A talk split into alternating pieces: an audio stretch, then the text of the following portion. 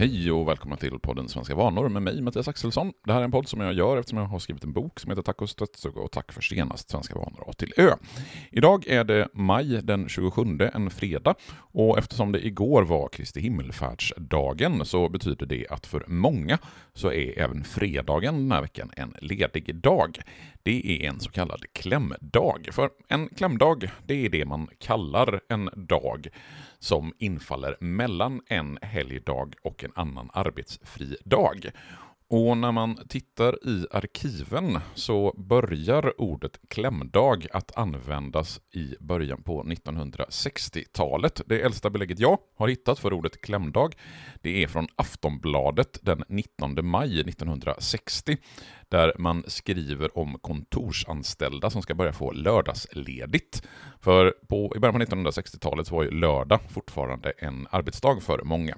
Och i Aftonbladet den 19 maj 1960 så skriver man så kallad klämdag, det vill säga en dag som kommer i kläm mellan två helgledigheter blir fridag efter Stadskollegiets beslut i varje särskilt fall och behöver i motsats till tidigare inte inarbetas.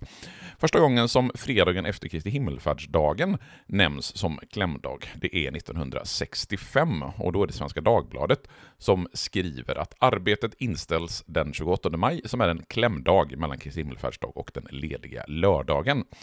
Andra dagar som har fungerat som klämdagar, det är till exempel dagen efter trettondagen, om trettondagen infaller på en torsdag.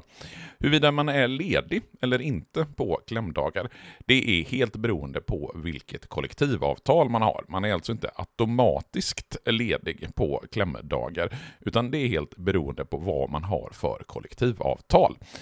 Så, det var lite information om klämdagar. Gå gärna in på svenskavanor.se och köp min bok Tacos tvättstuga och tack för senast så hörs vi igen om ett tag. Hej då!